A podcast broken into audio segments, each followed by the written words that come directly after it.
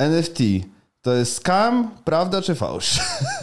Co, to zależy od projektu tak naprawdę, nie? No. Bo mm, z racji tego, że tych skamów było naprawdę mnóstwo na świecie, to ym, te projekty, które się tworzą, często prześcigają się, jeśli chodzi o użyteczność, bo ludzie skumali, że e, płacenie na przykład, nie wiem, 85 Ethereum nawet nie chcę mi się tego teraz liczyć, ale kupa kasy za jeden obrazek zwykły, który nic za sobą nie niesie, to jest e, marnowanie pieniędzy. Nie? Więc e, po prostu mm, jak tworzy się coś nowego, zresztą też jesteśmy podczas e, tworzenia nowej kolekcji, myślimy o tym, co się ma tam jeszcze zadziać za, za tą grafiką, za tym obrazkiem, żeby to faktycznie było użyteczne, nie, że, nie żeby było skamem. Także kwestia indywidualna odnośnie przedsiębiorcy, kto co ma tam w głowie.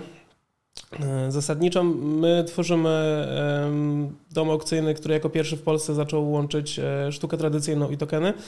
I jako pierwsi w Polsce zorganizowaliśmy taką aukcję, na której można było kupić i dzieła tradycyjne, i tokeny NFT.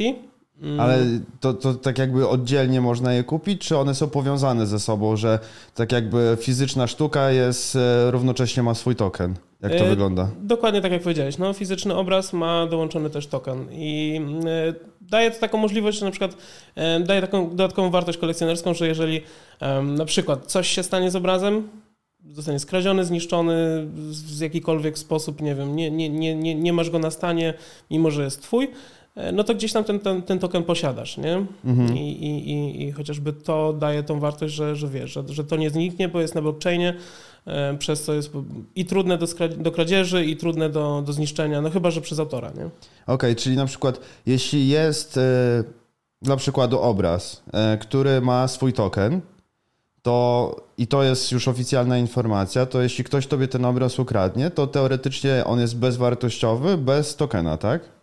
Można, tak jeżeli, tak, jeżeli jakby wartość smart kontraktu zawiera to, smart contract to jest jakby taka wartość, która zawiera, e, taka informacja, która zawiera wszystko o danej transakcji w, na blockchainie. Będzie taka informacja, że na przykład dzieło staje się bezwartościowe bez tokenu, no to myślę, że jak najbardziej, nie? jeżeli, jeżeli okay. E, patrzeć pod tym kątem typowo kolekcjonerskim. Nie? Ale to musi być zawarte. Jeśli to nie będzie zawarte, no to wtedy tak, chociaż może... był, ostatnio, był ostatnio taki głośny myk, że artysta spalił swoich obrazów za 2 miliony dolców po to, żeby pokazać właśnie, że są dostępne tylko w formie NFT-ków, nie? Okay. Żeby, żeby, żeby za, za rozpromować w ten sposób technologię po prostu. Ciekawe. No Dużo osób się na to oburzyło też w ogóle, że, że wykonał taki ruch.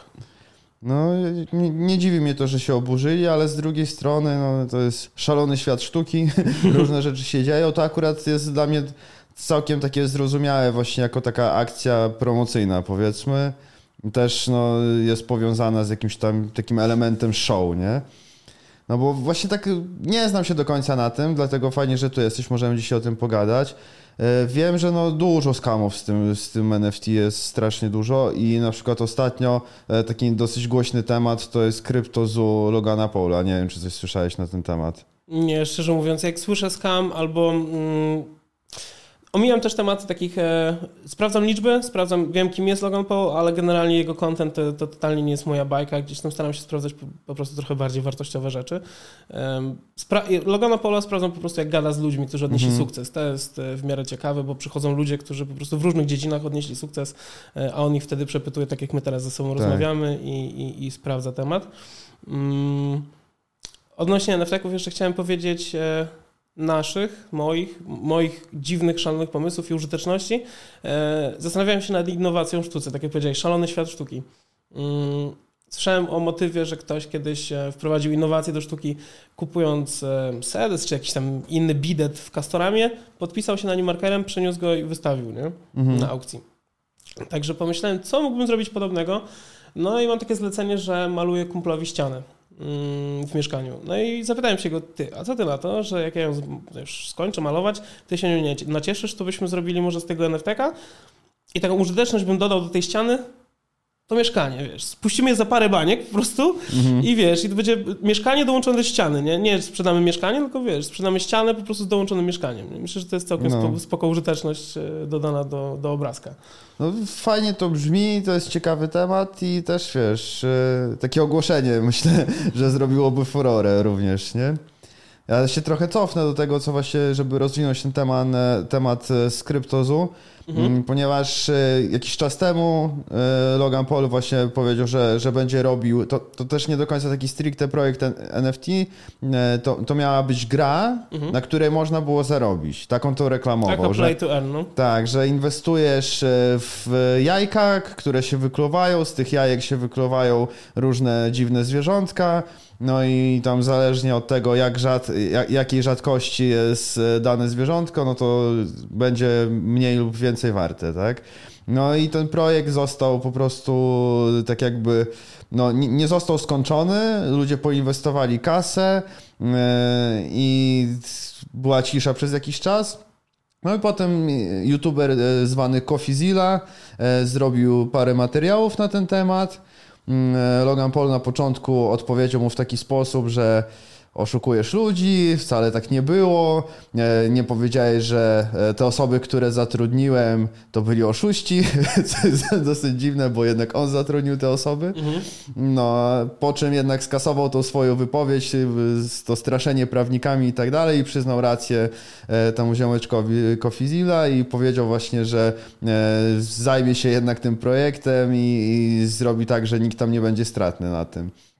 No i właśnie Wydaje mi się, że w najbliższym czasie będzie jeszcze trochę takich wałków, aż to się właśnie wszystko nie unormuje i jednak e, z takiego mm, powiedzmy elementu, na którym można zarobić szybko kasę, zmieni się to w taką użyteczność bardziej, czyli w to, że właśnie, że będziesz miał jakieś potwierdzenie e, tego, że coś należy do ciebie i niekoniecznie to już będzie tak, że będzie się obracało jakimiś takimi grubymi sumami, tylko zostanie to po prostu może jakąś taką technologią, z której ludzie będą na stałe, na stałe korzystać. Y, jest to piękny wniosek. Dokładnie takie tematy pojawiały się i na naszej debacie zorganizowanej przez nas, i na NFT Warsaw, na którym miałem też e, przyjemność być w, na Złotej. E, tak, to na, na, to czekamy tak naprawdę. Rynek się jeszcze cały czas kształtuje przez to, że pojawiło się dużo, e, dużo skamów, przez to, że mm, NFT-ki miały zostać wykorzystane mocno przez artystów i pewnie są, natomiast bardzo dużo też jest właśnie takich kolekcji po 8-10 tysięcy sztuk, e, gdzie artysta, twórca maluje tylko kilkanaście warstw kodem mm, programistycznym, miksuje się to ze sobą i, i przez to mamy 10 tysięcy sztuk, nie, nikt ich ręcznie nie, nie narysował, każda jedna po drugiej. Mm, ale tak, no czekamy na to, aż tak naprawdę będzie to potwierdzeniem na przykład zakupu samochodu, czy mieszkania, e, czy, czy nawet ja widziałem, mimo że jestem zagorzałym antysystemowcem, mm, widziałem taką dla systemu tak naprawdę, dla, dla rządów e, ogromną, e, ogromny potencjał, żeby, żeby można było, że tak powiem, ludzi w ten sposób kwalifikować sobie, nie? Że, że zamiast PESEL-u na przykład, czy jakiegoś NIP-u, można by było po prostu tworzyć NFT danej osoby. To by było w 100% e, legitne i sprawdzalne i jeszcze na mhm. dodatek zapisane na blockchainie, także nie, nie, nie trzeba by było tej całej papierologii do tego dodawać. No ale nie chciałbym rządzącym podsuwać takich pomysłów. Mam nadzieję, że jeszcze no. nas nie oglądają. No przejebane stary, no bo wszyscy oglądają ten podcast i to już podsunąłeś. No. no to dobra, to to się wytnie. Słuchaj, a co w ogóle uważasz na temat kryptowalut i przyszłości tego? No ja myślę, że warto e, się uczyć. E, jest mały risk reward, jeśli chodzi o Bitcoina, jeśli patrzy się na cykle. Mm, I Warto się uczyć też z drugiego powodu, dlatego że w wielu krajach w tej chwili tworzy się projekt CBDC, czyli takiego pieniądza cyfrowego, e, odpowiednik waluty w danym kraju. Nasz niestety też jest już mocno zaangażowany w taki projekt. I politycy nawet w mediach dzisiaj głównego nurtu mówią, że jak najszybciej trzeba pozbyć się gotówki. Także ja uważam, że nie powinniśmy pozbywać się gotówki. Uważam, że jest nam potrzebna do tego, żeby zachować indywidualność, żeby zachować e, bezpieczeństwo, taką, no po prostu jakiś kawałek, kawałek e, tożsamości, tak? E, żeby, żeby nie wchodzili prywatności, no. żeby nie wchodzili ci po prostu z butami w życie. Mm, natomiast myślę, że za mało społeczeństwo robi w tym celu, żeby zatrzymać ten proces, jako, jako duża grupa ludzi, gdzieś tam pojedyncze jednostki oczywiście. Mm, dlatego warto być przygotowanym po prostu na to, co nadchodzi e, wcześniej niż politycy na przykład. No, no mnie właśnie to lekko tak przeraża pod tym kątem, z tego względu, że E, o tym, że, państwa idą w stronę bezgotówko, bezgotówkową, to już e, słyszałem wiele lat temu. Już wiele lat temu właśnie słyszałem, że w Stanach coraz jest mniej miejsc, gdzie jesteś w stanie zapłacić gotówką, że wszędzie się płaci kartą, że wszystkie transakcje są śledzone. Też mi się to nie podoba. E, I właśnie to jest taki kontrast, wiesz, między y, kryptowalutami, które są dostępne aktualnie, a między tym, co będą chciały wprowadzać rządy poszczególnych państw, gdzie no, samo założenie chyba kryptowaluty jest takie, że, że jest to nie do śledzenia i, i to też zaznaczam, że wypowiadam się jako totalny laik, bo w nic nie inwestowałem, nie znam się na tym totalnie, tyle co przeczytałem czasem trochę więcej niż nagłówek, tak? Więc, ale to są takie moje odczucia i właśnie to, że, że rząd będzie to wprowadzał, no to dla mnie to jest no, przerażające lekko. Jest to przerażające, to prawda. Mm, na coraz większej ilości giełd e, masz KYC, czyli właśnie to potwierdzanie się jakimś rodzajem dokumentu. Mhm. Czyli nie jest to już też tak w pełni anonimowe. E, oczywiście portfeli możesz e, założyć sobie mnóstwo, robi się to bardzo szybko, więc mm, potem przysyłanie z portfela na portfel też jest bardzo proste. Nie jest to tak jak w banku, nie musisz czekać na, na odpowiedni dzień, czy tam coś takiego. To wszystko idzie w kilka sekund, natomiast e, tak jak mówię, pojawia się coraz więcej mm, tych dostawców, e, jednak żąda od ciebie danych, nie? Mhm. Tak, tak, tak, także nawet na tym polu to trochę zanika. Jedyne, co, co pozostaje natomiast fajnego, jeśli chodzi o kryptowaluty i prywatność, to, że się ich nie pozbywasz, jeżeli mm, z jakiegoś powodu rząd chce od ciebie pieniędzy. Musi, jeżeli na przykład mówimy o bitcoinie, on jest nadal zde, zdecentralizowany, więc musisz chcieć go wysłać. Jeżeli mhm. ty go jako posiadacz bitcoina nie wyślesz, no to też e, odbiorca go nie dostanie. Tak? Nie jest w stanie go żaden inny portfel z twojego portfela po prostu pozyskać bez twojej ingerencji w to. I z tego, co się orientuję, e, dostęp do portfela stoi za hasłem, które tylko ty możesz znać. Wiadomo, wiadomo możesz tam komuś tak, się przekazać, jest, ale... Jest, mhm, jest to 12 do 24 słów i wystarczy się ich na, na, nauczyć na pamięć. To jest Całe mhm. twoje hasło, które musisz znać tak naprawdę. No bo słyszałem też właśnie historię o tym, że ktoś zapomniał tego hasła i posiadał tam jakąś większą ilość bitcoinów jeszcze w momencie, jak nie były zbyt wiele warte. Potem nagle jak był ten boom i po prostu ceny poszybowały w górę, nagle przypomniał sobie o tym, że ma bitcoiny, ale hasła już nie był w stanie przypomnieć. Jest też chyba taka znana historia gościa, który wyrzucił chyba komputer, yy, na którym na dysku miał właśnie to hasło i, szuka od lat, yy, możesz Krzysiek poszukać, e, gdzieś na wysypisko śmieci, w ogóle przeszukuje to wysypisko śmieci z nadzieją, że, że odnajdzie ten swój komputer i, i ten dysk. No, jeżeli wie, że tam było na przykład wiem, ze 100 bitcoinów, no to z drugiej strony ustawia go to na resztę życia i jego rodzinę też, nie? No, no ale wydaje mi się, że nie znajdzie tego i że po prostu zwariuje. Bardzo możliwe. No. Chociaż sam mam taką, taką sytuację, że do mnie kolega napisał, e, że ma jakiś tam stary portfel, nie ma pojęcia, co na nim jest ma jakąś instrukcję, ale po angielsku, jak uzyskać hasło i bardzo chciałbym, żebym mu pomógł.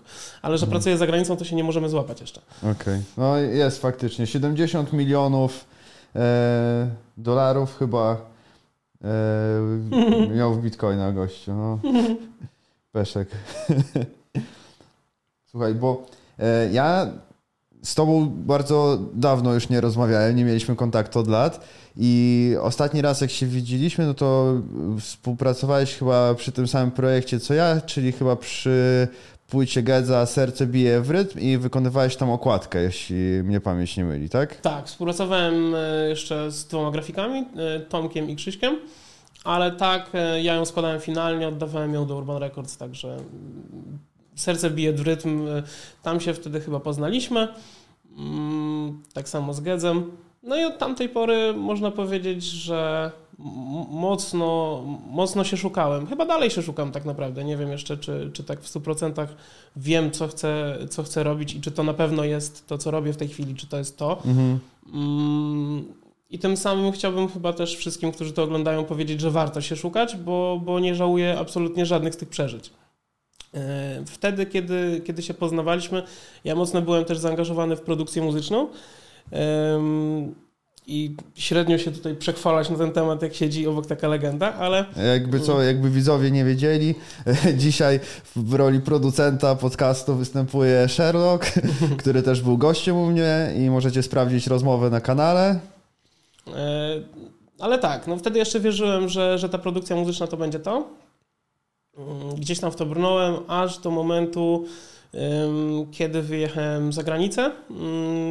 Tam też myślałem, że i że umiem angielski, że ja zaraz znajdę sobie pracę i że będzie wszystko ok. E, w pół roku wrócę, zarobię i wrócę. E, okazało się, że byłem tam prawie 4 lata. Okej, okay, a w którym roku wyjechałeś? W 2015. I jak było w 2015 właśnie na emigracji? Bo ja wiem, że na przykład mam znajomych, którzy są starsi ode mnie, oni wyjeżdżali na samym początku tej pierwszej, powiedzmy, takiej fali. I jestem ciekaw, jak to było w Twoim wypadku. Jakie miałeś oczekiwania? Właśnie jakbyś troszeczkę więcej powiedział na ten temat. No ja przede wszystkim poległem na tym, że, że pojechałem nie do tych ludzi, co trzeba. Oni się naobiecywali, nie urządzili nas.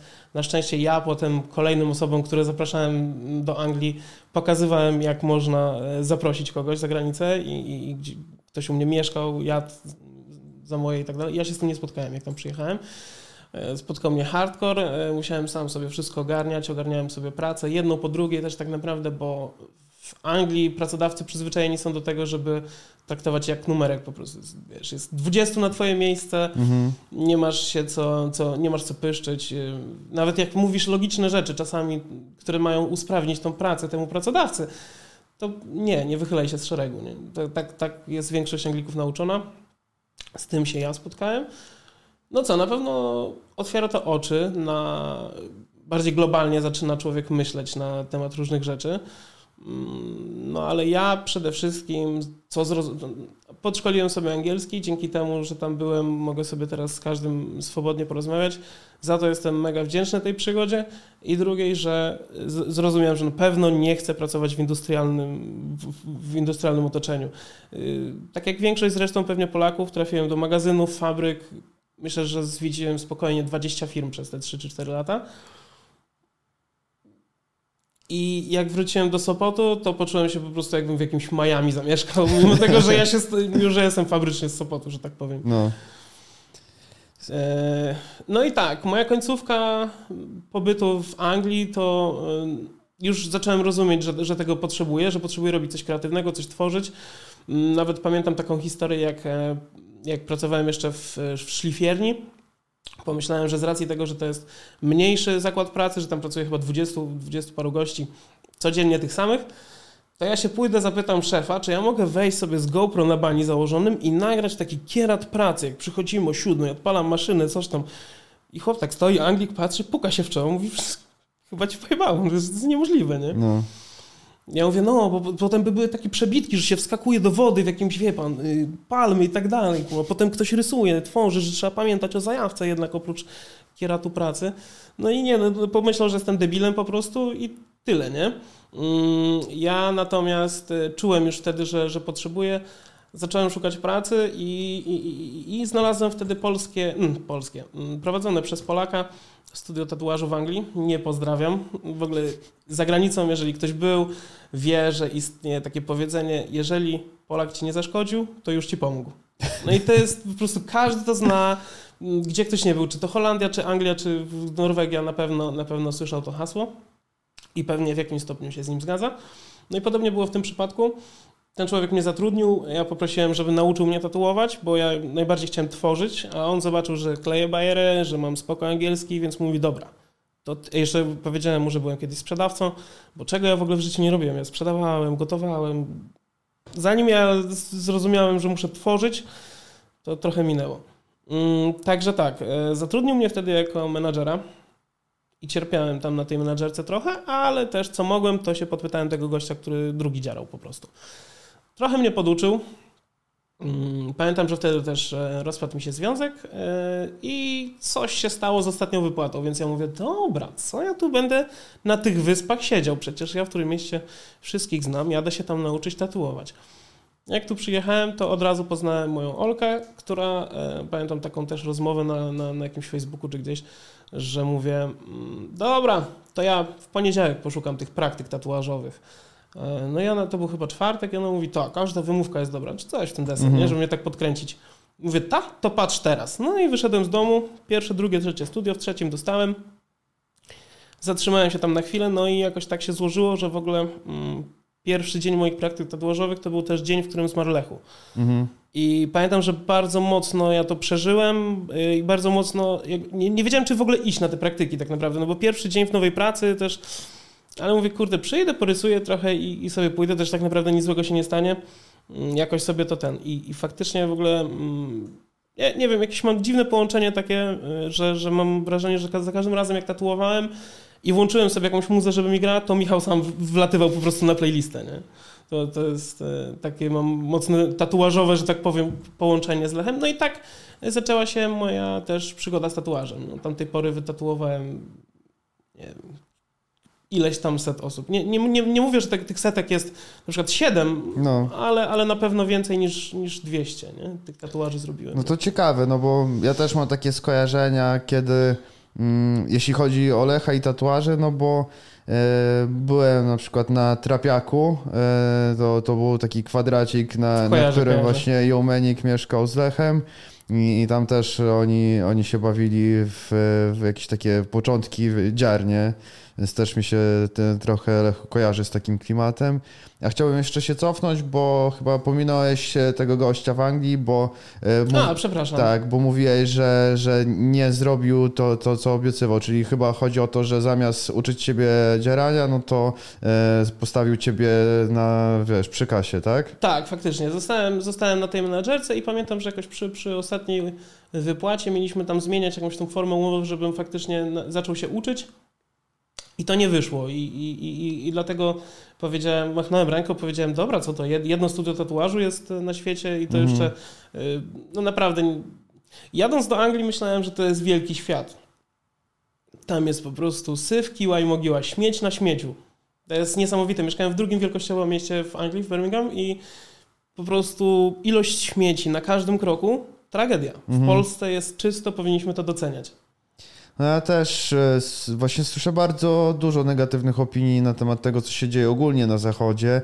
Słyszałem też dużo takich e, informacji na temat tego, że e, teraz jeśli chodzi o kradzieże i w ogóle jakieś ataki nożowników, no to jest masakra w Anglii, szczególnie wśród małolatów.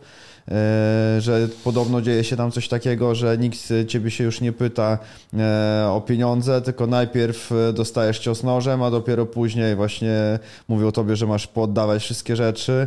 Mm, Podobno z drogimi zegarkami już się nie opłaca nigdzie wychodzić, bo po prostu ściągają ci to z ręki, czekają przy sklepach, właśnie z jakimiś, przy jakichś różnych butikach, tylko na to, czekają na to, aż ktoś wyjdzie i po prostu od razu jumają te rzeczy.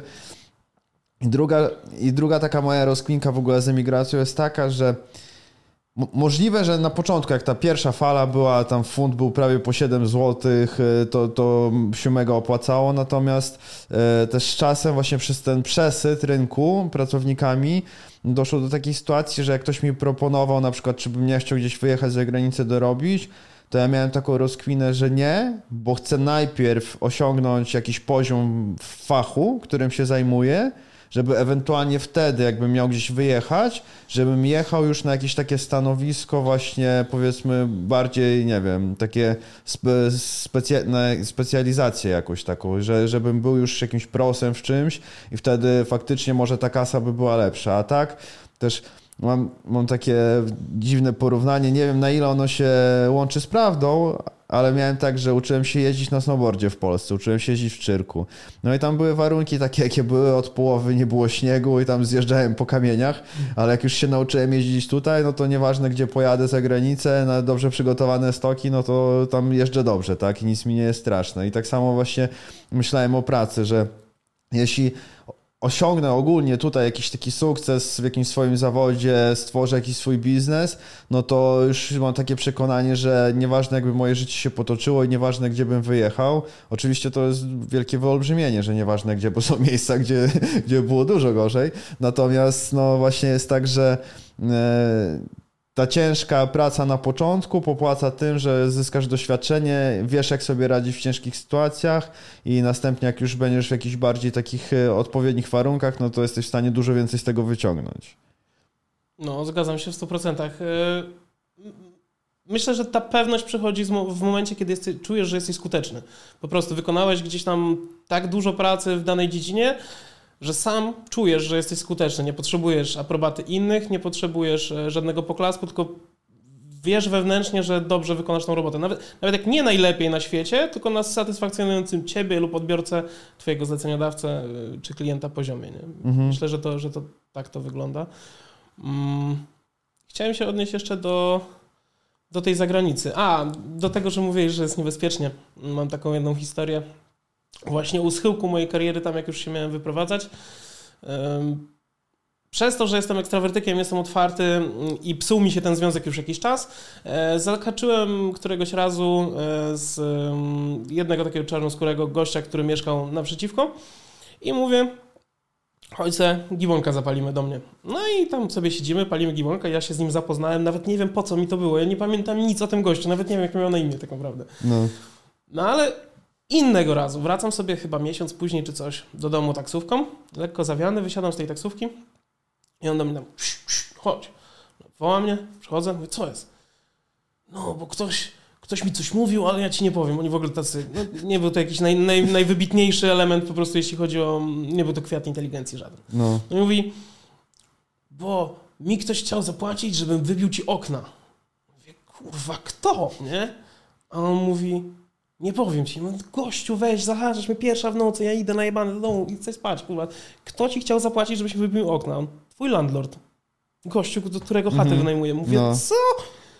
Wiesz, żebym się szybciej wyniósł po prostu, mm -hmm. bo, mhm. bo, bo, mieliśmy jakiś tam mały zatarg, nie? No. A, bo chciałem, żeby mm, mój, ten landlord wziął sobie um, hajs po prostu z kaucji, no okay. i ewentualnie wszedł w ostatnim miesiącu, zobaczył, czy wszystko git i wtedy byśmy się tam dogadywali, czy ja mam 20 e, dolarów za czajnik oddać, bo czajnik ma, nie wiem, ryskę na przykład. Mm -hmm. Ale, ale tak, no tak, tak to Czyli on sobie wymyślił, że ktoś, ktoś wybije ci szybę i on wtedy cię za to naliczy. Albo, że mnie na to, za to naliczy, albo, że ja się przestraszę i się wyniosę z tego powodu. Mm -hmm. Ale nie rozkminił, że mogę się znać z tym gościem, którego on zatrudni. No. O, Także tak, no i ja miałem o tyle łatwiej z tym, że nie, nie odczułem żadnej agresji w, w, swoją stronę, bo, bo ja słyszałem big man, big man, big mhm. Polish man, big strong man. Tak, tak to było, mimo tego, że ja nie jestem też żadnym fighterem, ani nie lubię mhm. takich, takich, takich klimatów. No ale tak tam byłeś odbierany. Tak, tak tam byłem odbierany i myślę, że mm, to, że byłem pewny siebie też w wielu sytuacjach też mi dało tą, tą przewagę, że nikt nawet nie próbował. No to widać, wiesz co, właśnie w takich warunkach ja się wychowywałem w różnych miejscach i, i część z nich była naprawdę no, nie, nie za przyjemna. I to jest tak, że ludzie w, w właśnie w takich e, bardziej patologicznych miejscówkach oceniają z daleka, już widzą komu mogą wejść na głowę, komu mogą, wiesz, a komu nie mogą. Albo po prostu, gdzie już jest jakieś większe ryzyko, że jednak może być e, jakaś tam jakiś inny zwrot akcji, nie? tak, I tak, tak. też no, byłem wielokrotnie właśnie zaczepiany za mało lata i nauczyłem się, wyrobiłem sobie jakąś twardą skórę, nauczyłem się jak się poruszać, jak rozmawiać, w jaki sposób po prostu nie wyglądać na ofiarę losu, żeby nie być zaczepianym. To jest w ogóle dzi dzisiaj coraz mniej osób w ogóle musi myśleć o takich rzeczach, ale kiedyś y, życie wyglądało w taki sposób, no, że trzeba było się zastanawiać, gdzie jedziesz, jak jesteś ubrany, y, gdzie co możesz powiedzieć i, i w, u mnie gdzieś to tak zostało i w ogóle jakieś takie rozkwinki na temat tego. Pamiętam, że moje takie powiedzmy dzieciństwo w wieku gimnazjalnym było mocno powiązane z tym, że co chwilę dookoła były dziesiony i co chwilę były kradzione telefony, yy, ludzie byli okradani z kasy i po prostu no, bardzo mocno uważałem na to, yy, gdzie jestem i jak się zachowuję. Miałem też kiedyś taką historię w ogóle w Wigilię, E, to chyba było na dzień przed Wigilią. Wracałem, mieszkałem wtedy w Orłowie, wracałem z klifu z plecakiem z zakupami mm, e, i byłem przekonany, że miałem ze sobą komórkę. To była Nokia 3510i, pamiętam. No i wracam z tym plecaczkiem i podchodzi do mnie dwóch łebków, jeden mały, chudy od gadania, jeden wysoki, duży od napierdalania. No i klasyczna gadka, ej słuchaj, mojej tej siostrze zajebali telefon, pokaż jaki masz telefon. A ja myśląc, że mam ten telefon przy sobie, już tam się trochę napiąłem i idę, mówię, że nie mam, nie mam. No i tak podszedłem właśnie po, pod bramę jednego z kolegów. E, miałem nadzieję, że jest w domu. Był też znany z tego, że lubił się ponapierdalać, więc dla mnie w mojej głowie to było coś takiego, że że to będzie odpowiednia osoba. Za, było, doszło do takiego momentu, że jak się zbliżałem do jego domu, to ten większy gościu już zaszedł mi drogę. Ja wbiłem się tak w niego, uderzyłem go z barku i zadzwoniłem od razu w domofon i tam zacząłem krzyczeć Rudy! No i oni się przestraszyli i uciekli, ale no takich akcji było bardzo dużo i właśnie e, wiele osób nie, roz, nie rozumie, jak dobrze ma w dzisiejszych czasach, jak dużo mniej musi się stresować na co dzień jakimiś takimi sytuacjami.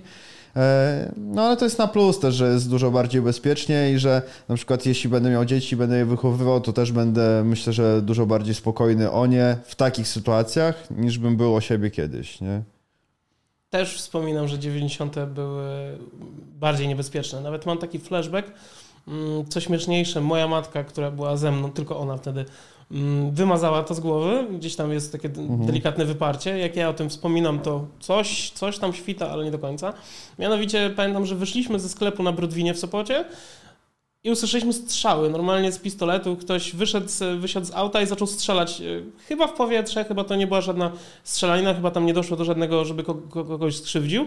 No ale jednak moja matka mnie pod skrzydło schowała mnie i mi się to zapisało w mani, a jej nie, nie. Z racji tego pewnie, że to była tak stresująca chwila, że trzeba no. było schować swoje dziecko. Mo może to wyparła właśnie w taki sposób.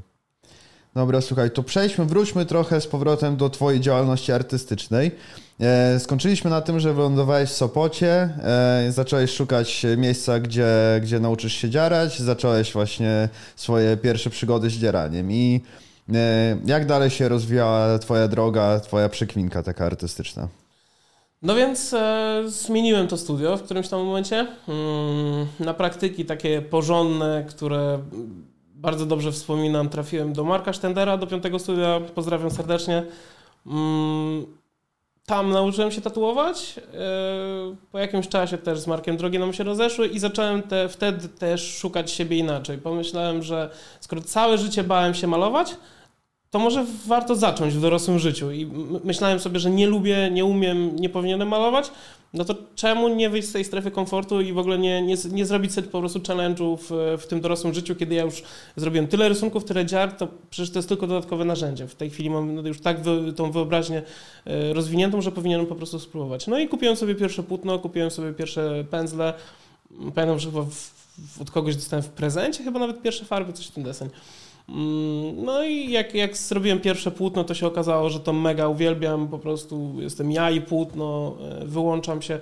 Pierwszy raz od dawna czuję takie skupienie po prostu e, przy pracy. E, chociaż bywało tak, zależnie od obrazu. Jeszcze to jest tak, że to jest dla mnie jeszcze tak nowe, że przy każdym obrazie mam inną energię mm, i, i dlatego się tym tak bawię i jaram jednocześnie, mm. bo, bo to poznaję dopiero. Mm, ale, ale, ale tak, no, zacząłem malować i dzięki temu że zacząłem malować, zacząłem się też interesować e, ogólnie sztuką, malarstwem. Wtedy też trafiłem na temat NFT. Mm, I zacząłem, e, tak jak mówię, szukać domów, aukcyjnych galerii. Mm, I natrafiłem na, na dom e, aukcyjny Diamonds Craft, który tak naprawdę wtedy jeszcze nie istniał. Natrafiłem po prostu na ludzi, którzy chcieli go stworzyć i, i, i bardzo się zaangażowałem w ten projekt. Do dzisiaj pracujemy razem. Mm, jestem już teraz mocno zaangażowany w projekt. Dzięki tym ludziom miałem zaszczyt sprzedać e, swoje dzieło obok e, pana Zdzisława Wyksińskiego, świętej pamięci, mhm. E, i Salvadora Dali. To, to wszystko się odbyło na aukcjach na Złotej 44 w Warszawie. Mm, I w tej aukcji, co prawda, o której teraz powiem, moja praca nie brała udziału, ale współorganizowałem to po prostu jako część firmy. Mm, przeprowadziliśmy jako chyba pierwsi na świecie y, aukcję symultanicznie w trzech miejscach. To jest na OneBidzie, mm, takiej stronie po prostu aukcyjnej, na, na której przybijane są y, oferty. Y, stacjonarnie i w, naszym, w naszej przestrzeni metaversum Spatialu. Także w, okay. w, trzech miejscach jednocześnie. Ale to było tak, że to było zsynchronizowane ze sobą i tak, tak jakby mogli 100%. bidować w tych trzech miejscach jednocześnie, tak? Tak, tak, tak, w 100%. Ciekawe. I tam wytłumacz mi, bo na przykład pierwsze pytanie, jakie pojawia, pojawia się u mnie, to jest to, czy tam był jakiś lag. Czy była taka szansa, że na przykład dwie osoby w tym samym czasie by mogły tą samą stawkę podać? No, jest delikatne opóźnienie, ale no gdzieś tam coś się zawsze pierwsze kliknie, także mm, mhm. no, no, już kwestia tego po prostu, która tam przepustowość, że tak powiem, nie, nie mamy wpływu na to, który internet jest szybszy i, i na te lagi też nie, także po prostu yy, tyle, tyle, co nam ta technologia, że tak powiem, dała możliwości, to je wycisnęliśmy jak cytrynę. Okej, okay. ale, ale to tak jakby nie przeszkadza e, w tym, żeby postawić, e, podbić stawkę, bo tak czy inaczej masz jeszcze pewien czas po tym, jak ktoś e, zaproponuje swoją cenę, żeby ją Dokładnie, przebić, no. tak?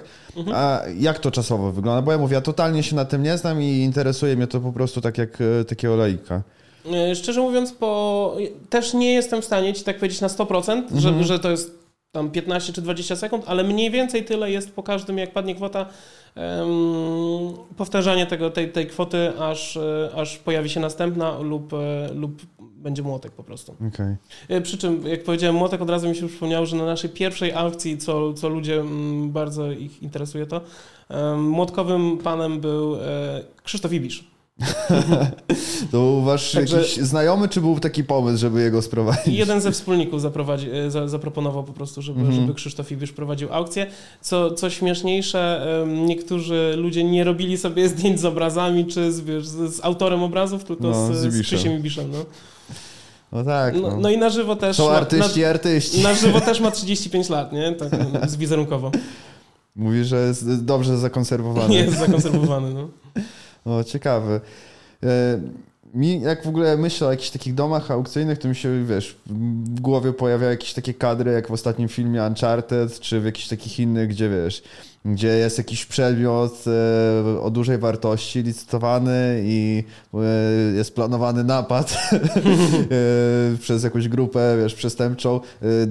Jak bardzo dba się o bezpieczeństwo na takich wydarzeniach?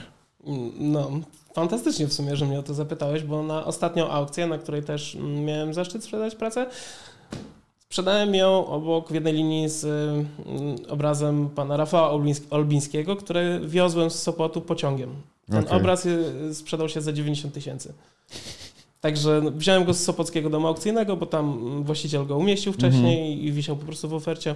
E, przechwyciliśmy go na naszą aukcję i, i, i ja go e, wiozłem normalnie naszym skromnym PKP polskim. Okej. Okay. A no przynajmniej Pendolino? Nie, nie, nie, nie Pendolino. Coś tam mieliśmy jakąś pierwszą klasę, no. ale to nie zmienia faktu, że w naszym przedziale nadal siedzieli jacyś ludzie. Mhm. Mm, a e, oprócz tego obrazu za 90 koła e, miałem też swoją pracę, miałem i mieliśmy trzy wydruki tego gościa, tego Olbińskiego. Mhm. Także mm, tak naprawdę mieliśmy ze sobą pięć, e, pięć obrazów. No i my we, we, dwoje, plus jacyś ludzie w przedziale. Tak naprawdę w pewnym momencie zrobiło się mega ciasno. No, no. i ja tak e, mm, mało spaliśmy też, pamiętam. Mm, I na wszelki wypadek, jak już wyczaiłem, że ci ludzie są w miarę tacy, że no, można im zaufać, przepraszam mm. najmocniej, że można im zaufać, że są w miarę normalnie, to gdzieś tam wyświetliłem, że, wiezimy, że wieziemy coś drogiego i że to raczej, żeby uważać na przykład, żeby mm -hmm. nie kopnąć nogą, czy żeby cokolwiek. Mm, I pamiętam, że wtedy oczy zrobili niesamowite. Także tak, no tak się dba o bezpieczeństwo, że no, no, co, no tak naprawdę było to zabezpieczone, bo i owinięte folią bąbelkową tysiąc razy i na rogach e, zabezpieczenia i tak dalej. Um, bezpieczne to było ze względu na to, że to ja to miałem pod opieką, bo pilnowałem tego jak oka po prostu. Z, z moim obrazem niech się stanie co chce, ale ja tu no. mam po prostu, wiesz...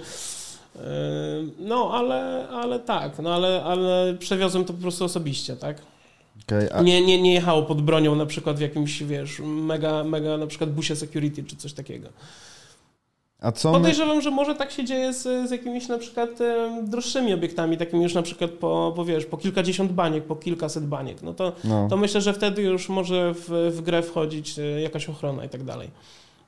Ale a propos drogich obiektów i napadów, e, napadów może nie, ale, ale a propos drogich obiektów, no to, to tak jak mówię, miałem zaszczyt być obok Beksińskiego, gdzie e, to mi się w ogóle, ja spełniłem wtedy swoje marzenie w ogóle w pewnym momencie, bo, bo tu była moja praca i robiłeś trzy kroki, a tutaj Beksiński ze 400 koła, wywoławcza. Mhm. I miałem po prostu takie Jak to jest możliwe? Jak ja się tu znalazłem?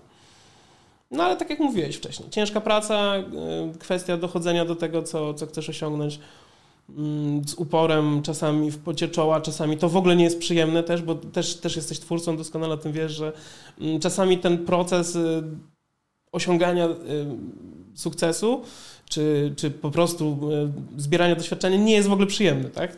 Zazwyczaj satysfakcję osiągasz już e, zbierając jakieś owoce z, ze swojej pracy. Dokładnie, Bo dokładnie. sama praca no, to jest hardcore, to jest ciężki, ciężki temat i nawet właśnie w, w poprzednim podcaście z Małgorzatą Wardą rozmawialiśmy o tym, że mm, e, o pisaniu. Ona jest autorką i byłem u niej na kursie pisania i mówiłem jej o tym, że dla mnie pisanie to jest najgorsza tortura na świecie. Żeby usiąść do tego, zebrać, jakoś przelać te myśli na papier, później je zredagować, e, zrobić tak, żeby to się jednak czytało jakoś dobrze. E, później nigdzie nie publikowałem swoich prac, ale to, co czytałem w, grupie dziesięcioosobowej na tym kursie i to, jak to się właśnie przy, przyjmowało E, jak ludzie to odbierali, jakie później, jak gratulowali mi powiedzmy tego, że jest jakiś ciekawy styl, że, że, że im się to spodobało, no dla mnie to było super, tak? No bo ja w siebie nie uważałem i nie uważam za pisarza, było mi to potrzebne w tamtym momencie, żeby coś zrobić w tym kierunku, Natomiast właśnie tą satysfakcję miałem dopiero w momencie, jak to przeczytałem, jeszcze w taki zestresowany i oni tego wysłuchali i dopiero wtedy dawali mi jakieś swoje uwagi i ten feedback był tak częściowo powiedzmy pozytywny i, wtedy miałem satysfakcję, ale cały ten proces twórczy no był straszny. Trochę inaczej jest z filmowaniem i z montażem, no bo tam jednak nagrasz ujęcie, możesz je zobaczyć i wiesz, czy jest dobre, czy nie i wtedy już możesz mieć część tej satysfakcji w momencie, jak już to wszystko zmontujesz. Właśnie ten sam montaż też jeszcze zajmuje dużo czasu, jak już dopracujesz wszystko, wypuszczasz e, materiał i widzisz, że ma coraz więcej wyświetleń, coraz więcej osób to widziało, no to też ta satysfakcja przychodzi. Ale tak, sam proces twórczy jest zazwyczaj dosyć ciężki i nieraz jest mało satysfakcjonujący. To prawda i powiem Ci, że miałem takie sytuacje wiele razy na przykład przy tatuażu, dlatego zamknąłem zapisy jakiś czas temu, mm, ze względu na to, że chcę wyjść też ze swojej strefy komfortu i na przykład dla mnie e, zmorą jest to, co robimy w tej chwili. Tylko, że ty tutaj jesteś e, szefem, wyczarowałeś to wszystko, mamy stanowisko gotowe i tak dalej. Dla, ja chciałbym zbudować sobie takie studio w domu i ja, jak myślę o tym, to mnie paraliżuje w ogóle, że mam ustawić sobie kamerę, mikrofon, odpowiedni kadr znaleźć i tak dalej. Dla mnie to jest robota na, na pół dnia już i gdzie wtedy znaleźć jeszcze energię na e, bycie fajnym przed kamerą tak naprawdę. Ale postanowiłem, że to zrobię, bo, bo, skoro się tego tak bardzo boję, skoro tak bardzo mi to trudno przychodzi, to znaczy, że trzeba się przełamać, trzeba się tego nauczyć i, i, i przede wszystkim chcę, bo czuję, że gdzieś tam mam jakąś wiedzę, którą chciałbym też przekazać ludziom. Mm, natomiast zamknąłem y, zapisy, bo no, na tatuaż przychodzą przeróżni ludzie, naprawdę. Miałem na przykład taką historię, że przyszła do mnie bobeczka, i ni z gruchy, ni z pietruchy pyta mnie, e, nie, opowiada mi historię, że jej, jej, jej chłop e, pyta się, czy mm, nie, nie, ona. Nie, czy, by się, czy ona by się pocałowała z inną dziewczyną, tak jak, tak, tak jak na filmie tam, co oglądają, a ona kiedyś to tak, a teraz to już nie. Ja no, jaki kaliber w ogóle, nie? Ale dobra. Dziaram sobie, dziaram i ona jedzie do mnie z taką rakietą, kolejną bez ostrzeżenia. Tylko jak masz dzieci, to możesz mieć harmonogram w życiu. Mówię, w moim życiu harmonogram rzadko istnieje, bo jestem, mam wolny zawód, czasem jak mi się coś odklei, to tworzę do 5 rano i, i nie pamiętam w ogóle o Bożym świecie. Natomiast analizuję sobie wtedy życie mojego przyjaciela, który ma firmę, wstaje od 7 do 9, wiesz, to pracuje. Moja kobieta też, etat. Dzieci nie ma coś mi, mówię, zaczyna mi to mówić na głos. Ona idzie w zaparte, że to jest niemożliwe, że tylko jak masz dzieciaki, to się da. Ja już wtedy, wiesz, dałem za wygraną, niech se gada. No i ona w pewnym momencie mówi, sama sobie zaprzecza. Mówi, w sumie to nie. Mamy takich znajomych, którzy sami są jak dzieci. Kurwa, ciekawie się zaczyna ta historia. Ale że ja mam abstrakcyjne myślenie, jestem pojebany. Może te dzieci na przykład jakimś meksykańskim osiedlu przez tydzień sprzedają narkotyki, to wtedy źle, że oni wyjeżdżają, nie? No, tak mi się wydaje. Więc skleiłem takie pytanie do niej. Słuchaj, a jak ci ludzie zarabiają na życie? A ona, no mają swoją firmę. Kurwa, to dobrze przecież. To ludzie na nich pracują. Mówię, to co złego w tym wyjeżdżaniu z dziećmi? Ja nie rozumiem. A ona, no bo oni uczą, że dzieci, że, że, można, że można robić wszystko. I weź rozmawiaj z kimś takim, nie? Ja, mi, się, mi się po prostu kończyły argumenty w, w pewnym momencie, yy, bo, bo po prostu no, poziom, poziom intelektualny rozmowy i zrzucają ci na, na głowę czasem problemy, ludzie nie wiedzą o co chodzi. Na przykład ktoś wysyła jeszcze jak na, na menadżerce pracowałem, jeszcze nie, nie, nie, nie, nie, byłem, nie tworzyłem swoich tatuaży, ale mm, często jako menadżer miałem takie zadanie, żeby jak najbardziej porozmawiać z klientem i sprzedać mu dziarę, zanim jeszcze temat trafi do konkretnego artysty, bo ja wiem, w jakim artysta dziara stylu, wiem, mhm. czego artysta oczekuje, mniej więcej znam stawki i tak dalej. Więc mm, w pewnym momencie po prostu ktoś pisał na przykład mam tu lwa, co do niego pasuje? Mówię, kurwa, nie wiem, trąbka? Skrzydła. Skrzydła, wiesz, y, słoń, no to zależy od twojej osobowości. Musimy porozmawiać, muszę cię poznać, musisz powiedzieć, co lubisz, co czujesz, co przeżyłeś. No to na podstawie tego możemy wtedy jakoś zbudować dla ciebie projekt, bo to jest na całe życie, tak? Nosisz to na, na skórze, więc fajnie, żeby to z tobą grało, a nie żeby po prostu powielić któryś tam motyw, y, który ci się spodobał w internecie, bo zobaczyłeś, nie? Myślę, że ogólnie mówisz tutaj właśnie o pracy z klientem i o tym, że dzisiaj e, jest tak, że ludzie często nie potrafią się komunikować. Nie potrafią zakomunikować swoich potrzeb, nie potrafią jasno przedstawić swoich oczekiwań i e, rozmawiają z tobą w taki sposób, jak zostawiają komentarze pod postami na Facebooku. I to wtedy jest tak jakby twoim kłopotem to, żeby domyśleć się, o co im chodzi, szczególnie, że to są potencjalni klienci. Jednak no, trzeba się trzeba się tym zainteresować, a nieraz łeb po prostu pęka od pierwszych paru zdań, które z nimi byłeś, e, które z nimi za, zamieniłeś. tak, to, myślę, że to jest w 100% e, pięknie oddaje to, to, to, z czym się ostatnio spotykam, jak, jak rozmawiam z jakimiś klientami. No, no niestety, praca z ludźmi jest taka i ja potrafię się tutaj utożsamić z tobą. E, często właśnie jak zaczynasz pracować z ludźmi, to dopiero e, jesteś w stanie zrozumieć, jak funkcjonuje świat i że to nie jest tylko tak, jak my sobie wyobrażamy, tylko jest pełno ludzi po każdej stronie skali. I miałem, przypomina mi się na przykład historię, kiedy byłem instruktorem skimboardu mm, e, wiele lat temu. Byliśmy na jednym, w jednym z miast gdzieś na wybrzeżu Polski i na przykład po, podszedł do mnie gościu i się mnie zapytał, za ile z miejsca, w którym pracuję, zapierdolę deskę, żeby mu sprzedać taniej. Tak, tak wprost, po prostu, nie? Na plażę ojciec z synem przyszedł, nie? I, mhm. I, się nie o coś takiego pyta. Także, no, wow. E, kiedy nie masz do czynienia z takimi ludźmi, kiedy wychowujesz się jednak w jakimś takim środowisku e, bardziej, nie wiem, no, normalnym, przynajmniej dla mnie, no to, to jednak zmienia trochę takie podejście do życia i rozumiesz, no, że są różni ludzie dookoła i czasem trzeba się zastanowić, e, czy wszystko o sobie komuś opowiadać, e, czy, czy to jest dobry pomysł. No. Powiedz mi jeszcze, co, co w ogóle myślisz o, o tych ostatnich protestach młodzieży z przyklejaniem się do różnych e, miejsc i do wylewania zupy na, na obrazy i tak dalej? W galeriach sztuki? Tak. No co, no jak zwykle szukanie, szukanie po prostu y, rozgłosu, tak? Jest to jakiś sposób. E, fajnie, że mamy takie czasy, że to wszystko jest zabezpieczone tak naprawdę i żadne z takich e, prób wandalizmu nie jest skuteczna. To jest fajne, bo no, ja uważam, że jeżeli artysta chciałby zniszczyć swoje dzieło, to by je po prostu zniszczył albo by go nie robił. Jeżeli je stworzył i jest, na dodatek komuś się podoba, to po co w nie ingerować, nie mając z nim nic wspólnego, będąc jakimś tam zwykłym mietkiem. Mm, myślę też, że bardzo często to nie są takie indywidualne pomysły. To, to nie jest w moim, jako takiego zagorzałego antysystemowca um, i teoretyka konspiracyjnego um, umyśle, nie wyświetla się to jako indywidualna jednostka, która po prostu wpadła na pomysł, że ona kupi zupę i pójdzie i rzuci w obraz, tylko są to raczej takie zaplanowane działania jakiejś tam grupy. Nie mówię, że to jest tajna grupa w kapturach, która rządzi światem, tylko po prostu na przykład danej grupy jakichś aktywistów i, i że siedział nad tym cały sztab ludzi, na przykład ileś tam dziesiąt osób, y, które myślały, czy to zrobić, czy tego nie zrobić.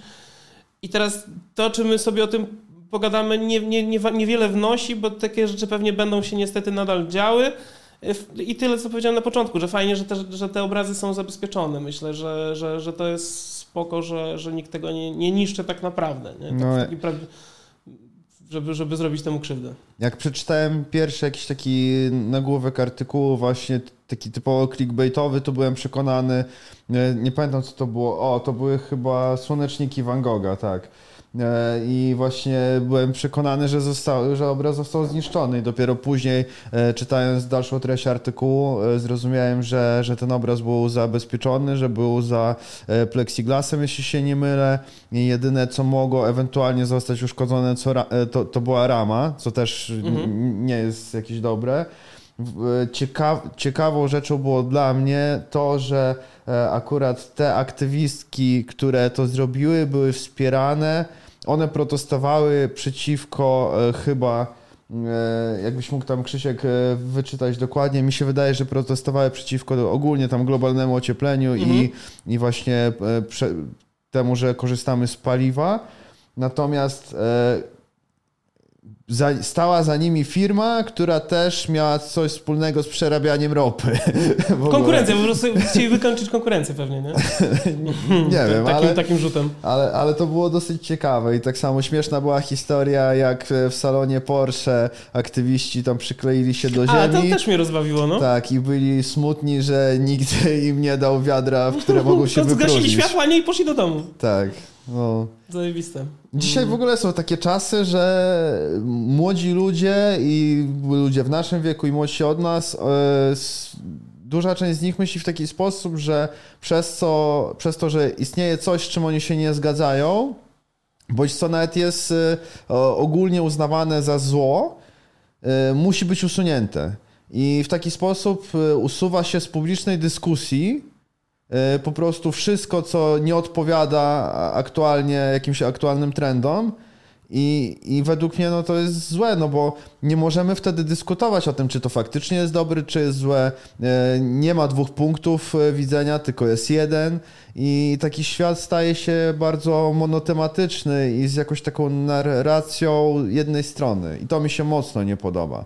I uważam, że to powinno, mm, powinno się zmienić Mam nadzieję, że kolejne pokolenia będą to widziały i będą chciały czegoś innego, no bo e, według mnie trend jest zawsze taki sam, że pojawia się e, pewna opinia, e, która jest zgłoszona przez pewne pokolenie, natomiast dopiero następne pokolenie ludzi weryfikuje to, czy, czy, czy, czy tak będzie dalej, czy nie. I często następne pokolenie się buntuje i, i szuka innych rozwiązań. I mam nadzieję, że ta młodzież, która teraz nam będzie dorastać, będzie widziała e, tą dużą obłudę świata i będzie z tym walczyć.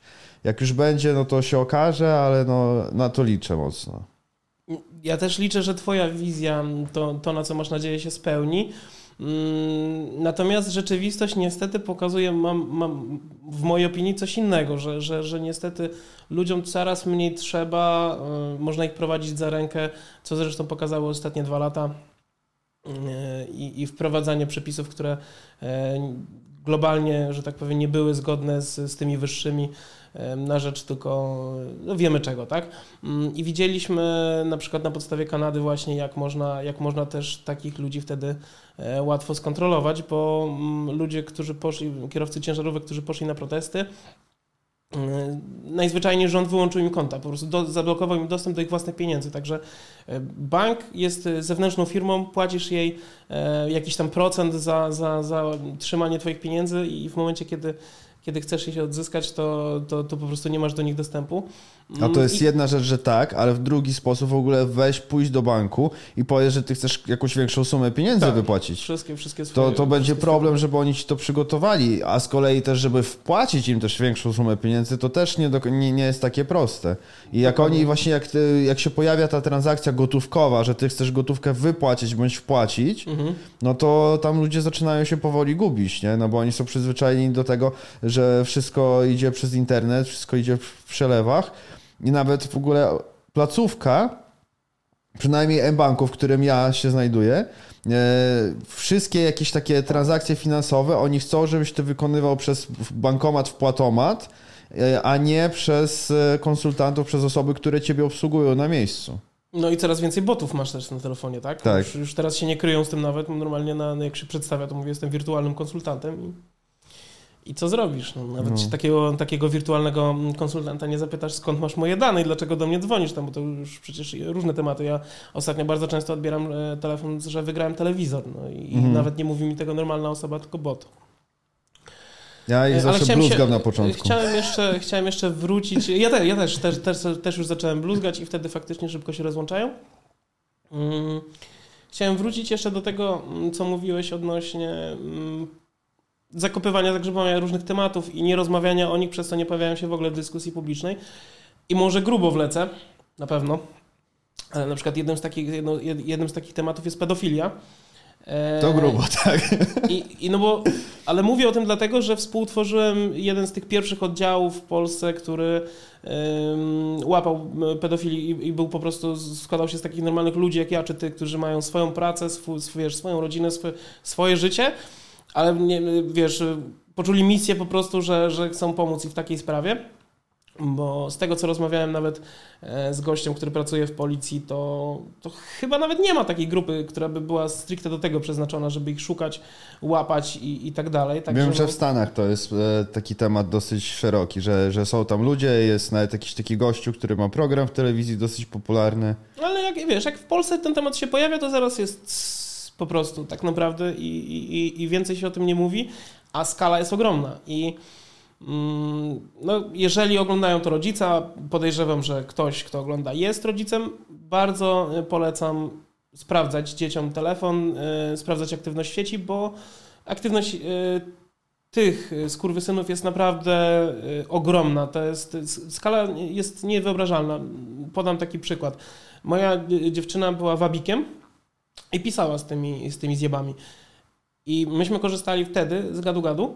Mm, Kto jeszcze, pamiętasz kiedy korzystałeś z gadu-gadu? Który, No, kiedy, to- ile to było lat temu, temu. nie? A ja mówię o, le, o latach 2021, 2000, no 2021, 2020. Okej. E, Wchodziła na takie gadu-gadu, zakładała sobie konto. e, Tam trzeba zaznaczyć, że ma 16 lat, ale ona i tak w rozmowie w pierwszych tam trzech zdaniach informowała, że ma mniej niż 13, czy tam od 9 do 12 na przykład, coś takiego. I z 30 gości, których do niej, do, którzy do niej pisali, zostawało z 10, nie? Popierdolona skala i wiesz, i piszą i, i mówią, wiesz, y, pojebane rzeczy, wiesz, do, do, do, do, tego dziecka piszą, że kiedy ty jesteś, wiesz, po drugiej stronie jako dorosły, to aż się gotujesz tak naprawdę. No i, i, i też ym, no ciekawe było to, że, y, że nas jako łowców, czyli tych ludzi, którzy tam przyjeżdżają na akcję, spotkać się z nim zamiast dziecka. Szkolono też do tego, że wiesz, że, ma, że możemy się spotkać e, nie wiadomo z kim, tak? Może wyciągnąć broń, może być, może być grupa, e, może się na nas rzucić, może zacząć uciekać. E, Także my przede wszystkim musimy być opanowani, tak jak każdemu w głowie od razu się rodzą jakieś takie chore emocje, że żeby też taką osobę wtedy skrzywdzić. Mm, To jest raczej naturalny odruch, w sensie w głowie. Tak Mhm. mi się wydaje, że po prostu du- dużo usłyszałem takich komentarzy od, od facetów innych, którzy widocznie tego opanowania nie mieli na tyle w sobie, żeby nawet w rozmowie je zachować z obcym człowiekiem. Yy, No ale tak, no to, to, to mówię, to jest, to jest yy, myślę idealny przykład tego, o czym powiedziałeś, że, że właśnie o niektórych rzeczach się w ogóle nie mówi, yy, przez to one znikają, nie można teraz zrobić czegoś z tym problemem, przez to, że się o nim nie, nie, nie mówi, tak? Przez to, że się go zakopuje pod dywan, to, to, za, to za dużo nie można z nim zrobić tak naprawdę. Okej, a powiedz mi w ogóle skąd się wziął u Ciebie pomysł na to, żeby się tym zająć? Mm, Ja w sumie to zobaczyłem po prostu, że ktoś się tym zajmuje i że mogę im pomóc, bo wszystko graficznie leżało i było takie, że tak powiem, y, z przysłowiowego painta. mm, pomyślałem, że zrobię chłopakom nowe logo i że mm, pomogę tworzyć po prostu kolejne, kolejne e, struktury. E, no, potem się rozstaliśmy, bo, bo ja miałem trochę inny pomysł na to wszystko. Może kiedyś jeszcze, jak czas pozwoli, to, to wrócę, ale tak już e, też trochę inaczej. Pewnie stworzę jakąś swoją grupę ze swoim pomysłem. Okej. Okay. Dobra, Ale to... wiem, że dwie funkcjonują nadal, które, które z, z, z, tymi i z tymi ludźmi współpracowałem, że, że wiem, że oni nadal do, do, tej pory działają i to jest tak, że chyba nie ma tygodnia, żeby nie złapali kogoś, nie? I jedna i druga. Mhm. No, ta skala, skala takich przestępstw właśnie, no to jest straszne. Yy, ciężko mi się w ogóle to komentuje, ciężko mi się o tym myśli, bo nie wyobrażam sobie, yy, kim trzeba być, żeby, żeby mieć w ogóle takie myśli, żeby yy, krzywdzić dzieci. No i może przejdźmy z takiego właśnie ciężkiego tematu Spoko, na, na coś, co też jest związane z dziećmi, czyli na TikToka. A, na TikToka, oczywiście, pewnie. Mm, to. Powiedz mi w ogóle, y, bo wiem, że mówiłeś mi o tym, że współpracowałeś z jednym z największych twórców TikTokowych, właśnie y, jeśli chodzi o sztukę, tak? To prawda, tak. Rysowaliśmy na pół, zaprosił mnie Franek Bielak, Fredziownik Art, 13, e, ponad 13 milionów obserwujących na TikToku. No i to jest konto globalne, to jest, e, tam pamiętam, że dwa lata temu 3% tylko obserwujących to byli Polacy. Mhm. No tak, to jest zagranica. Jeden z filmików to jest e, bodajże drugi, e, drugi co do ilości wyświetleń i polubień wynik w ogóle ever na całej platformie. E, to jest chyba 280 milionów wyświetleń i 50 milionów polubień. Grubo. Chore liczby. No. Mm, ja kiedyś do Franka mówię w ogóle, jak się tam widzieliśmy. Wiesz, że w tych 13 milionach osób pewnie jest ktoś, kto jest politykiem, kto jest jakimś policjantem, kto jest jakimś gangusem, wiesz. To jest taka liczba, że tam jest każdy, nie? On, no, pewnie ktoś nie żyje. Nie? mówię, Franek, co ty masz za łeb? No ale tak, e, narysowaliśmy razem kilka rysunków. We, weź mikrofon tak bardziej do siebie, jak to Możesz przesunąć normalnie. Jasne, no. przepraszam najmocniej. Narysowaliśmy razem kilka, e, kilka rysunków. Raz, z tego co pamiętam, rysowaliśmy na MacBooku. Mhm. E, markerami Polska, to było spoko. No i łącznie te filmy zrobiły tego, co tam patrzyłem, jego połowa zazwyczaj zawsze dobija tam do 20 milionów, a moja jedna do 7. Łącznie moje filmy zrobiły chyba z, z tą moją częścią 13 milionów wyświetleń, a jego, jego chyba 60, nie? Mhm. Te, te, te trzy nasze współprace. Bardzo e, ciekawa też jest w sumie geneza tego, jak się poznaliśmy, bo tak jak mówiłem, wróciłem, wróciłem do Polski i zacząłem sobie tam dziarać i coraz więcej tego, tej sztuki gdzieś tam zaczęło mnie otaczać. I w pewnym momencie e, zaproś, zaproszono mnie na spotkanie, na którym miały być omawiane ciuchy Franka. No i tam mhm. wtedy spotkało się kilka osób e, w Sopocie. W... Ale jakiś jego taki merch, czy to... Tak, tak. Chciał wtedy wprowadzać swój merch, to, to w końcu ten projekt nie powstał. E, ale tam się z nim poznałem, poznałem też jego ojca. I od tamtej pory zaczęła się ta nasza relacja gdzieś tam budować. Chwilę później powstał nawet pomysł, żebyśmy stworzyli Tutaj chyba pierwszy raz y, jest taki reveal w internecie tej całej historii, y, bo mm, chcieliśmy stworzyć taką ekipę, nie? Jak tam Fris ma ekipę mhm. i są, jest więcej takich ekip ogólnie. To był taki pomysł, żebyśmy stworzyli taką ekipę artystów. Mm, to nie był mój pomysł, ja zostałem zaproszony do tego projektu. Miał w nim brać udział właśnie Franek, miał w nim brać udział również Czuga, pozdrawiam serdecznie. Mm, i Patryk Wojciechowski, który był w projekcie Runway e, w TVN-ie i jest projektantem ubrań. Także to było zabawne, bo ja na tamten moment e, w social mediach żadnego sukcesu. Ja miałem 600 obserwujących na Instagramie, trochę tam tych dziarek porobiłem, ale większość to raczej no, no, no, mówię, no 600 osób to widziało, tak, u mnie na Instagramie, więc świat jeszcze, że tak powiem, mnie nie usłyszał mhm. w ogóle. Mm. No i, i, i, i, w pewnym momencie to się stało, że, że kręcimy ujęcia, siedzimy tak jak, tak jak teraz przed kamerami i, i wiesz, siedzimy we czterech, ten ma tam 120 tysięcy obserwujących, ten był w TVN-ie, ten ma 13 milionów obserwujących, mam, wiesz, ja mam 600, nie? Jestem, co ja tu robię tak naprawdę, no. nie? Ale wiesz, ale, ale każdy z nas jak zaczął opowiadać o swoich pracach, o tym, jaką drogę przeszedł, czy, czy, czy o jakichś swoich śmiesznych historiach, to się okazało, że, że gdzieś tam ten poziom naszych, naszych umiejętności, naszego zaangażowania w tą swoją twórczość się jest zbliżony i że możemy ze sobą dyskutować na, na, na fajnym poziomie.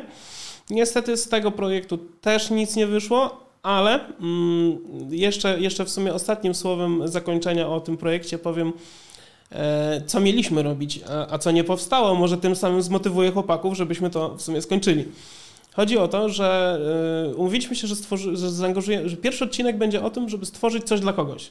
I z racji tego, że Franek jest aż tak e, zasięgowy, ma aż tak ogromne konto, ma dostęp też do podobnych zasięgowo twórców. I jak się tylko do nich odzywaliśmy, że będziemy robić projekt, jeszcze nawet nie mówiliśmy, że YouTube, tylko że będziemy robić projekt i czy będą z nami współpracować, to oni wszyscy pewnie, że tak. Mhm. No i podobnie było też z ZHC. Ciekawe, czy to w ogóle mogę mówić. Dobra, wyjebane. ZHC to jest taki e, twórca z zagranicy, e, z, prawdopodobnie azjatyckiego pochodzenia. W każdym razie, albo, albo amerykańskiego, w każdym razie mm, pomyśleliśmy, że zrobimy coś dla niego i, i najpierw e, ktoś wpadł na pomysł, że będziemy robić string art, czyli takie nawlekanie włóczki na gwoździe wbite w deskę. Okay. Bo robił to Patryk Wojciechowski raz. I, i, I, myśmy z jakiegoś dziwnego pomyśle, powodu pomyśleli, że damy radę. Tak spędziliśmy trzy dni na wbijaniu gwoździ w deskę i owijaniu na to włóczki, aż w końcu zorientowaliśmy się, że ktoś przy pierwszym momencie, w pierwszym momencie jak rzucaliśmy sobie obraz na, ten, na, na tą deskę, okazało się, że, że się zniekształcił, po prostu coś się z rzutnikiem stało, że trochę nam spłaszczyło tą twarz, także myśmy... Perspektywa tą może tak, tak, ustawiona. I, i no. całą po prostu pracę, jaką włożyliśmy, żeby stworzyć płaską twarz z AC. No i jak to skumaliśmy, że to już nie ma co rzeźbić w głównie, po prostu wywalamy tą deskę z tymi gwoździami do śmieci, no to, to, to co robimy dalej? No trzeba coś zrobić. No i wtedy e, umówiliśmy się, że stworzymy po prostu na takich wielkich płytach każdy z nas y, jedną część jego portretu. Po prostu podzieliliśmy jego, jego twarz na, na cztery części i teraz każdy w swojej stylistyce miał e, wykonać e, z EHC i, i wtedy mieliśmy mu to chyba nawet jeszcze wysłać do Stanów, albo Franek miał do niego do Stanów polecieć z tym chyba i, mhm. i mu to wręczyć. Mm, także to było piękne zakończenie historii. Liczę na to, że ten materiał się ukaże, a chłopaki dostaną wtedy po nosie i się jeszcze ze mną skontaktują, żeby skończyć, bo fajnie by było. Bo ja na przykład do, do dzisiaj stoi obok mnie ta płyta z prawie skończonym yy, jedną czwartą obrazu. No, Także... ciekawe, ciekawe.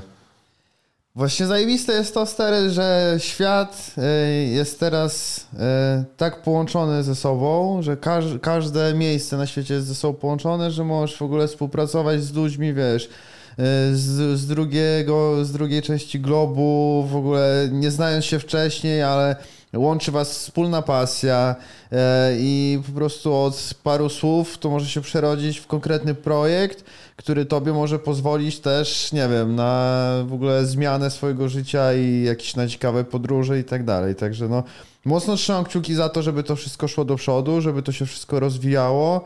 Mm, jeśli chodzi o mnie, no to nie mam już za bardzo do, do ciebie pytań. Może jeszcze masz coś, o czym byś chciał powiedzieć.